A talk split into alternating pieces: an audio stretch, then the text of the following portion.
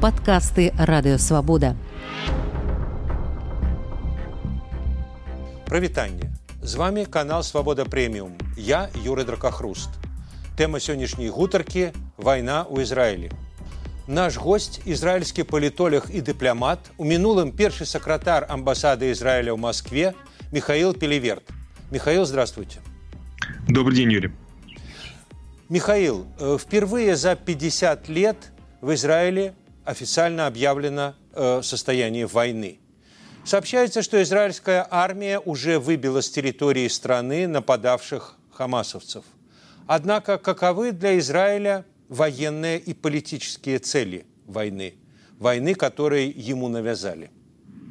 Ну, во-первых, я немного вас поправлю. Э, в 2006 году, в так называемую Вторую Ливанскую войну, э, правительство э, дало армии тоже военные полномочия, то есть полномочия принимать решения, которые могут привести к прямым, к, к войне.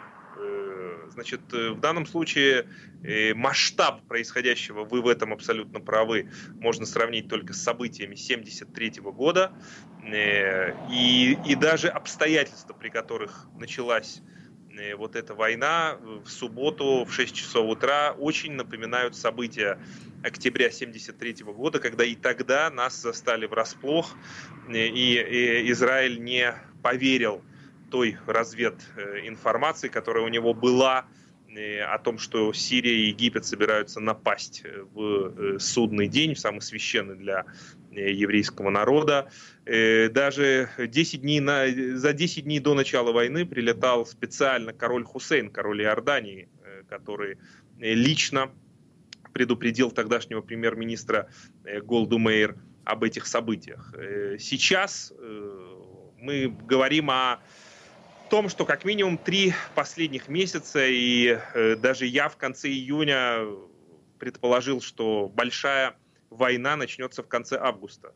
Э, я ошибся на э, один месяц. Ну, люди гораздо более профессиональные в области военной, военной аналитики говорили, что это рано или поздно начнется. И в данном случае было понятно, что чем ближе будет подписание э, какого-то мирного соглашения с Саудовской Аравией, тем э, более нервной будет становиться э, ситуация, она будет обостряться, потому что в данном случае Иран, который является главным кукловодом позади происходящего, главный бенефициар данного столкновения, он не мог себе позволить потерять лицо, чтобы главная страна э, суннитского ислама, э, Саудовская Аравия, договорилась э, с Израилем. Так, а вот все-таки цели Израиля. Какие цели? Хамасовцев выбили. И дальше речь идет о том, многие эксперты говорят об этом, что, собственно, сухопутная нужна операция, и нужно выбить Хамас из Газы то есть занять газу и, возможно, даже восстановить военное управление. Но, с другой стороны, ведь Хамас не силой захватил власть над э, миролюбивым и толерантным палестинским населением. Это немножко не так было. Так что же делать? В чем, в чем политическое решение вопроса? Вы знаете, надо, во-первых, признать, я с вами здесь согласен, что эта война, к сожалению, нам навязана, э, поэтому мы в какой-то степени э, играем по э, правилам наших врагов. Мы не определили пока что для себя, в чем цели этой операции, и поэтому нам приходится действовать по ходу событий, а события продолжают, реальность продолжает нам навязывать какие-то свои обстоятельства. Э, обычно было принято подобные столкновения с Хамас э, завершать через несколько дней э, каким-то де-факто мирным соглашением. В данном случае при, при, посреднических, при посреднических услугах, как правило, Египта, не напрямую. В, в нынешних ситуациях мне сложно себе представить, как израильское правительство может себе позволить э, какое-то э, какое-то перемирие с Хамас, пока не будет достигнуты те цели, которые сегодня не озвучены пока что израильским правительством, но это абсолютно понятно и витает в воздухе. Это именно то, чего ожидает от правительства израильского общества. Сейчас э, израильское общество э, находится на пике э, эмоционального осознания того, что происходит, и поэтому главное слово, которое повторяется, это месть. Это желание наказать прежде всего тех варваров, которые за последние дни убили предположительно не менее тысячи человек. Все те страшные кадры, которые мы видели с музыкального фестиваля в месте под названием Раим, где было расстреляно около 300 человек. Э, это та самая, вот прежде всего, эмоция, э, которую сегодня испытывают большинство израильтян. Но э, картинка победы, которую э, израильское правительство будет обязано представить, предоставить израильскому обществу, это может быть лишь полное э, уничтожение всей инфраструктуры э, организации Хамас в секторе Газа. Э, или вот я себе представляю эту победную, скажем так, картинку как э, трибунал, который будет проведен в Израиле так же, как был в свое время проведен трибунал над нацистским преступником Адольфом Эйхманом, трибунал над преступниками Хамаса, в результате которого будут вынесены Э, смертные приговоры. Вот э, озлобление израильского общества сегодня э, настолько велико, что ничего меньше, я думаю, удовлетворить э, нас не, э, не, не сможет. Но, конечно, но с другой стороны, я должен, конечно, быть реалистом и э, сказать, что сейчас главная оперативная задача это освободить как можно больше гражданских лиц, которых удерживают в заложниках. Михаил, вот у меня вопрос к вам как к реалисту и к э, дипломату. Э, посол Израиля был одним из немногих западных дипломатов, который вручил Александру Лукашенко верительные грамоты после 2020 года. Э, нынешняя реакция Беларуси на конфликт – это сдержанный комментарий МИД, молчание Лукашенко – и комментарий во второразрядном, но официозе «Минская правда». Я процитирую. Победа Палестины на оккупированных территориях – это победа Минска и Москвы. Флаги Палестины зашумят над мечетью Алякса в Иерусалиме. Конец цитаты. Я сказал, это не официальная реакция, но Беларусь не та страна, где власти поощряют уж слишком большой плюрализм. А вот как бы вы охарактеризовали позицию Минска – в этом конфликте и возможную реакцию Израиля на эту позицию? Ну, прежде всего, я должен сказать, что я не видел э, официальной позиции. Я буду основываться в своем ответе на том, что э, прочитали вы.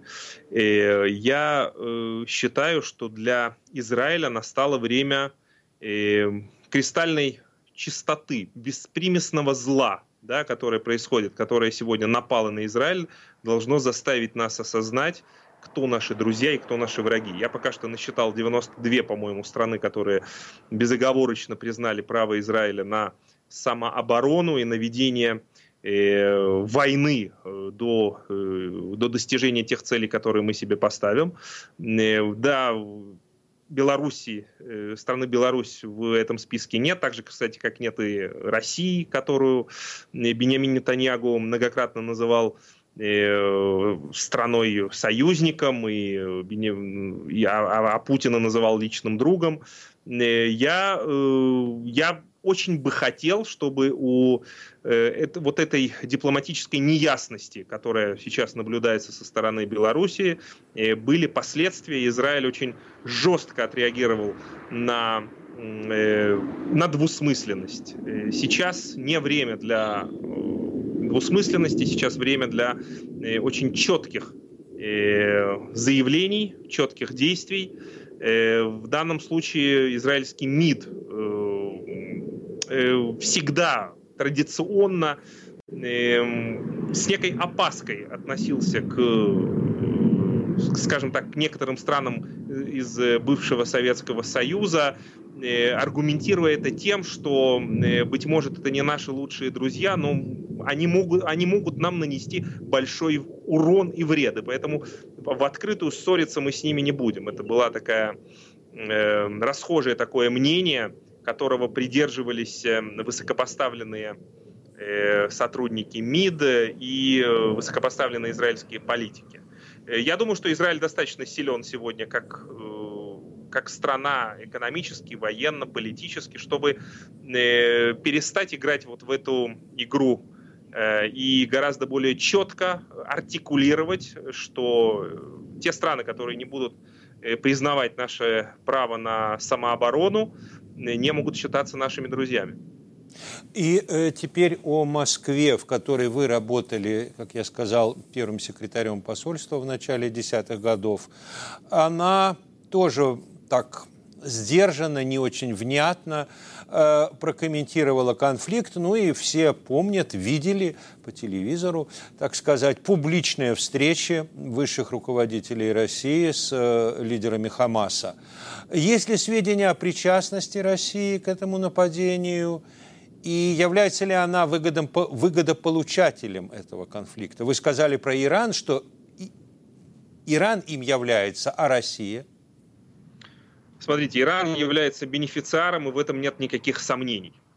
Э, может ли быть Россия э, бенефициаром э, происходящего? Это, это домыслы, это, это, это некое, скажем так, не конспирологическое, но при этом у меня нет, к сожалению, никаких, никаких, никакого фактического ни подтверждения, ни опровержения сама общая, э, общее, скажем так, предположение, оно, кстати, здесь в Израиле довольно достаточно популярно, что происходящие события э, играют на руку России, потому что отвлекают интерес, э, отвлекают внимание всего мира от происходящего в Украине к происходящему на Ближнем Востоке, в Израиле.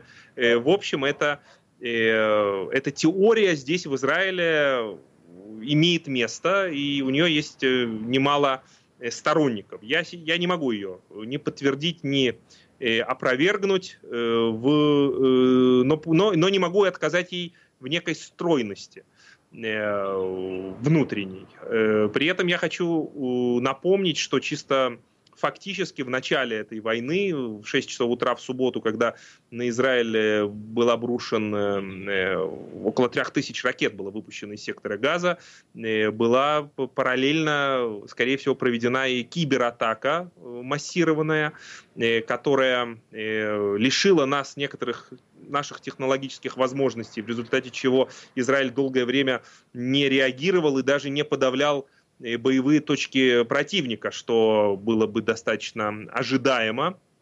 И э, такую кибератаку не может провести организация Хамас. Э, это может провести Иран э, и, и, и иные страны. Вот большой вопрос, имеют ли причастность к, вот, к, именно к этому, например, событию какие-то наши недоброжелатели в третьих странах, это, это я был бы очень рад, э, если мы об этом узнаем в ближайшее время.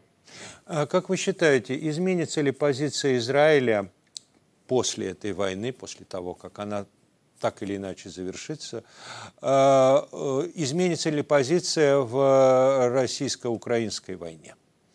А, Киев выступил в поддержку Израиля, Россия, ну вот я, как, как я сказал, и как бы какие последствия будут для израильской политики? Вы знаете, Бенямин Нетаньягу, э, его излюбленная стратегия – это откладывать принятие решений э, в будущее до того момента, пока э, реальность и обстоятельства не заставят его принимать решения. Я, то, что у нас в Израиле на иврите называется «сидеть на заборе». Я предполагаю, что Бенемин Нетаньягу будет сидеть на заборе в дипломатическом, политическом смысле этого слова до последнего, до упора. И сейчас, в ближайшие месяцы, у него есть э, дипломатическое, политическое пространство говорить, что Израиль занят э, своими проблемами, у него нет времени э, заниматься э, проблемами Украины. Э, подобное решение Бенемин Нетаньягу, повторяю, принимает э, буквально Э, буквально вот вплотную к э, необходимости принять такое решение. Заранее он его э, не будет не озвучивать, не намекать. Израиль сегодня, Бенемин Нетаньягу, министр обороны, они заявили, что эта война изменит Ближний Восток. Что именно имеется в виду на этом этапе, непонятно, но при этом эм, повторяю, ближайшие месяцы. Скорее всего, Израиль будет глубоко э, занят решением своих насущных жизненных проблем. И поэтому э, сейчас очень сложно предсказать, как изменится наша позиция относительно э, украинского вопроса. Но в любом случае э, Израиль постепенно смещается в сторону э, так называемого западного э, лагеря. Это особенно очевидно в результате решения президента Байдена направить в Израиль э, часть 5-го э, военно-морского флота во главе с авианосцем Джеральдом Фордом. От Израиля одно время ожидалось не только техническая поддержка Украины, но военно-техническая, но и некая моральная Э, позиция. Э, я думаю, что в ближайшее время Израиль будет продолжать сидеть на заборе, но после того, как эта война закончится, э, моральная позиция Израиля должна будет быть артикулирована, озвучена гораздо более ясно, чем это было до сих пор. И последний вопрос, Михаил. Есть ли вероятность, есть ли риск, что повторится сценарий войны судного дня, то есть что нападение будет со всех сторон – со стороны э, э, Хизбаллы, со стороны Фатха из, из э, западного берега реки Иордан и со стороны Сирии. Возможно, с каких-то других. Ну вот, вот что. Наступление начнется отовсюду. Вы знаете, рабочая версия э, сегодня наших служб безопасности такова, что война будет на несколько фронтов. Э, я буквально несколько часов назад имел возможность беседовать с, в прошлом с высокопоставленным израильским военным, с э, главой э, службы ОМАН, военной разведки. Я ему задал два вопроса. Один вопрос это сколько времени займет свержение Хамас на что он ответил, это вопрос приблизительно 7 месяцев, никак не менее, и тысяч погибших с нашей стороны. Э, во-вторых, на вопрос, второй мой вопрос был, эм, э, с кем нам придется воевать в ближайшее время, только ли с Хамасом или э, еще и с Хизбаллой.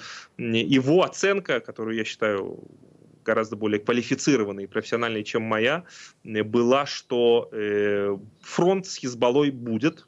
Мы до сих пор не понимаем масштабов длительности этого конфликта, э, обойдется ли несколькими сотнями ракет, которые будут запущены оттуда, и несколькими инцидентами с проникновением террористов на нашу территорию, на что мы э, ответим, или это будет в большей степени похоже на события Ливанской войны, когда израильская армия э, перешла границу и дошла практически до Бейрута.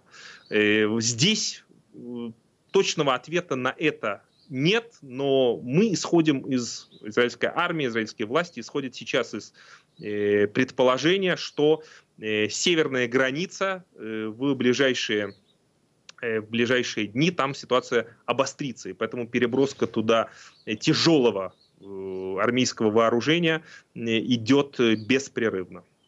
Э, спасибо вам большое дзякуй вялікі э, нашим э, слухачам нашим гледачам я хочу нагадаць что з нами быў ізраильскі палітолог і дыплямат михаил пелеверт а затым як падзеі будуць разгортвацца далей наши гледачы могуць сачыць на youtube канале свабода прэміум дзякуй да пабачэння. Вы слухали подкаст радыёвабода Усе падкасты свабоды ў інтэрнэце на адрасе свабода кропка орг. Штодня у любы час у любым месцы, калі зручна вам. Свабода кропка орг. Ваша свабода.